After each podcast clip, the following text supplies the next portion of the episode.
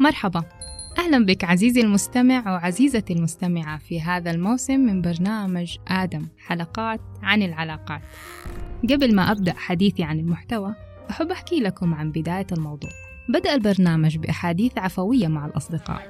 وملاحظاتي إن الموضوع باب يدعو من حولي لاستشارتي أو الاستماع مني عنه. وتطور عشان يصير حديث عفوي في live على انستغرام أعبر فيه عن رأيي وأشارك فيه شوية أفكار. والآن تطور وصار أجمل وأكثر عمقا ليكون هنا على بودكاست ساندويتش ورقي.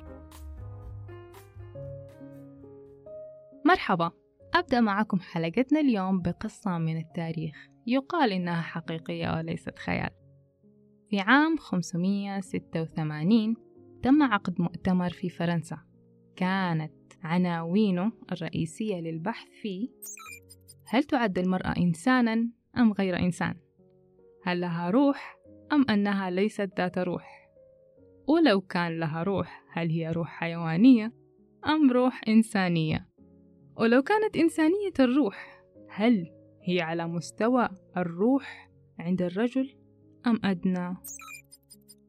نهاية المؤتمر تم الاتفاق على إنها إنسان لكنها مخلوقة لخدمة الرجل ممكن تضحك من هذه القصة لأنها صراحة تشبه النكت لكنها تستفز الكثير وربما تلاحظ معي بأنها أيضا لم تكن منصفة يعني ليش ما حطوا سؤال إنها ذات روح ربما أعلى من الرجل؟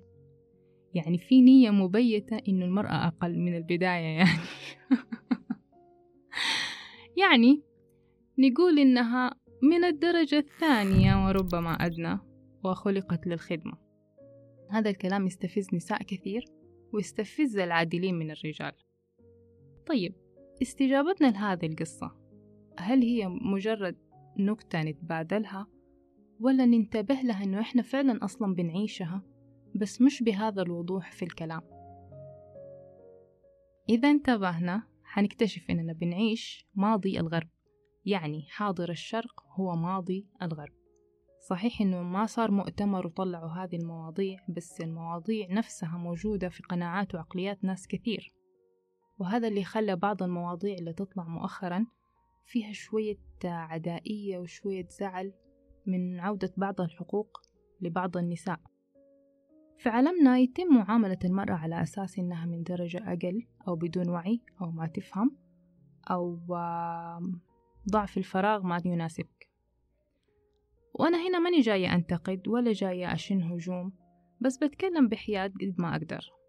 وأوصف الرؤية اللي بشوفها في أمور واضحة في الحياة حاليا.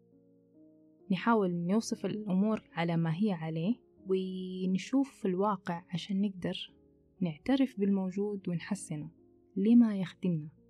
قبل الخوض في حديث من هو أعلى ومن هو الأدنى علينا بداية إننا نتخلى عن فكرة إنه في واحد فوق وواحد تحت وهذه فكرة موروثة عندنا غالبا. نبدأ من البداية وننسى الرجل والمرأة. تخيل إنك بتقود سيارة اتجاهها للأمام فقط drive بس فيها دي ما فيها reverse R ما في على ورا هل حتكون مناسبة إنك تتنقل فيها؟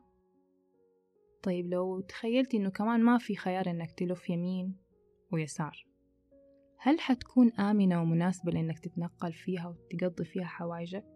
هل هذه السيارة حتنتشر؟ تخيل بس الموقف ما حد حيكون مشجع لهذا النوع لأنه الحياة مش اتجاه واحد. طيب خلينا نعقد إحنا مؤتمر ونقول إيش الأهم والأفضل البرتقال أم التفاح؟ وحيكون هنا فايز. ولازم واحد منهم يكون هو الأفضل الفاكهة الناجحة. حنلقى فريق لكل فاكهة؟ وكل فريق عنده الحجج كلها لها نكهات مميزة لها نكهات فريدة لها أهمية وما فيش واحدة منها تغطي على الثانية.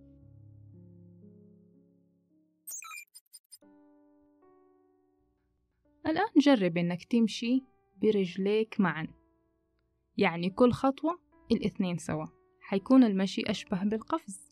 ما ينفع تقدم الرجل اليمنى خلال هذا السير. لا كلتاهما معا. هل هذا السير هل هو مناسب؟ هل هو عملي؟ ولا فردية كل رجل مهمة وحركتهما متناغمة معا تكون مشية الإنسان الطبيعية اللي نعرفها؟ هل اليمين أهم ولا اليسار أهم؟ لو استغنينا عن يد أو رجل من اليمين أو من اليسار عشان هذه أعلى وهذه أدنى هل هذا معقول؟ هل هذا ممكن نحطه في الاعتبار وننتبه له؟ هل نستغني عن أي جزء مننا عشان هذا أعلى وهذا أدنى؟ ولا كلهم مهمين؟ لما نمشي الذراعين تتحرك بتناغم مع الرجلين بشكل متناغم جميل جدا بعض الناس ما ينتبهوا أنه اليد لها مهمة في المشي بس هل إذا وقفنا واحدة منهم حتكون المشية طبيعية؟ هل وصلت لعمق الفكرة؟ كل شيء في هذه الحياة له دور ومهمة وأهمية. غيابه لا يعوض بوجود الآخر ولو عوض حيكون هذا حال مؤقت وغير طبيعي. تماما زي الألوان في لوحة جميلة. غياب أي لون يجعلها ناقصة. ما راح يتغطى هذا اللون بوجود أي لون آخر يقوم مقامه. كل لون متكامل بحد ذاته وكلها تتكامل سوا عشان تكمل اللوحة. نفس الحكاية في المعزوفات الموسيقية كل نوتة لها مكان ودور وتناغم وانسجام جميل. وهكذا الرجل والمرأة في الحياة مختلفان لكن لكل منهما دور. كل منهم فرد بذاته وكل واحد منهم كامل كما هو.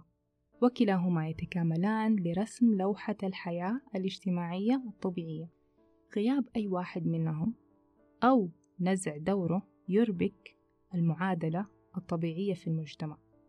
وهذا الغياب حيؤدي إلى نتيجة ممكن تكون ظاهرة وواضحة مباشرة وممكن تحتاج تحليل ودليل وممكن نشوف النتيجة بشكل فوري أو ممكن تاخذ وقت وترجع كطوفان يغمر الجميع بعد حين.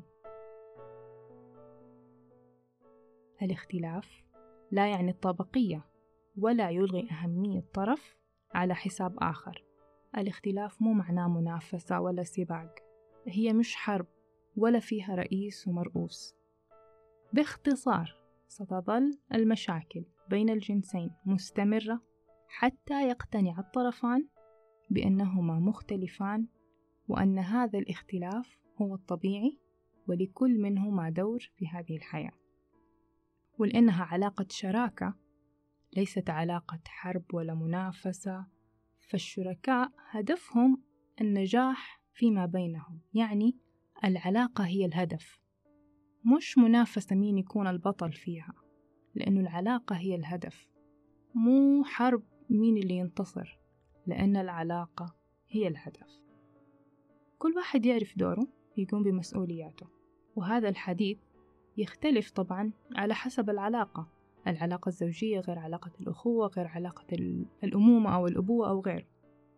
فالمسؤوليات مختلفة تترتب على حسب الأطراف باللي يناسبهم وبطبيعتهم وتنبني على أساسها العلاقة على حسب الاتفاق بين الأطراف.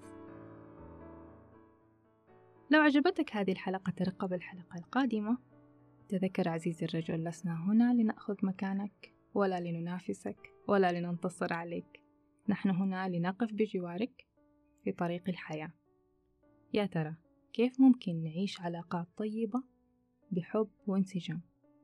كونوا بخير.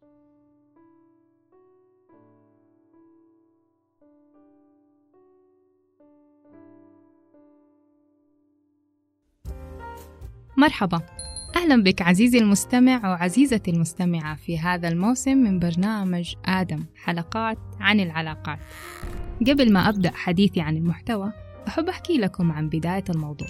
بدأ البرنامج بأحاديث عفوية مع الأصدقاء وملاحظاتي إن الموضوع باب يدعو من حولي لاستشارتي أو الاستماع مني عنه. وتطور عشان يصير حديث عفوي في لايف على إنستغرام أعبر فيه عن رأيي وأشارك فيه شوية أفكار. والآن تطور وصار أجمل وأكثر عمقا ليكون هنا على بودكاست ساندويتش ورقي.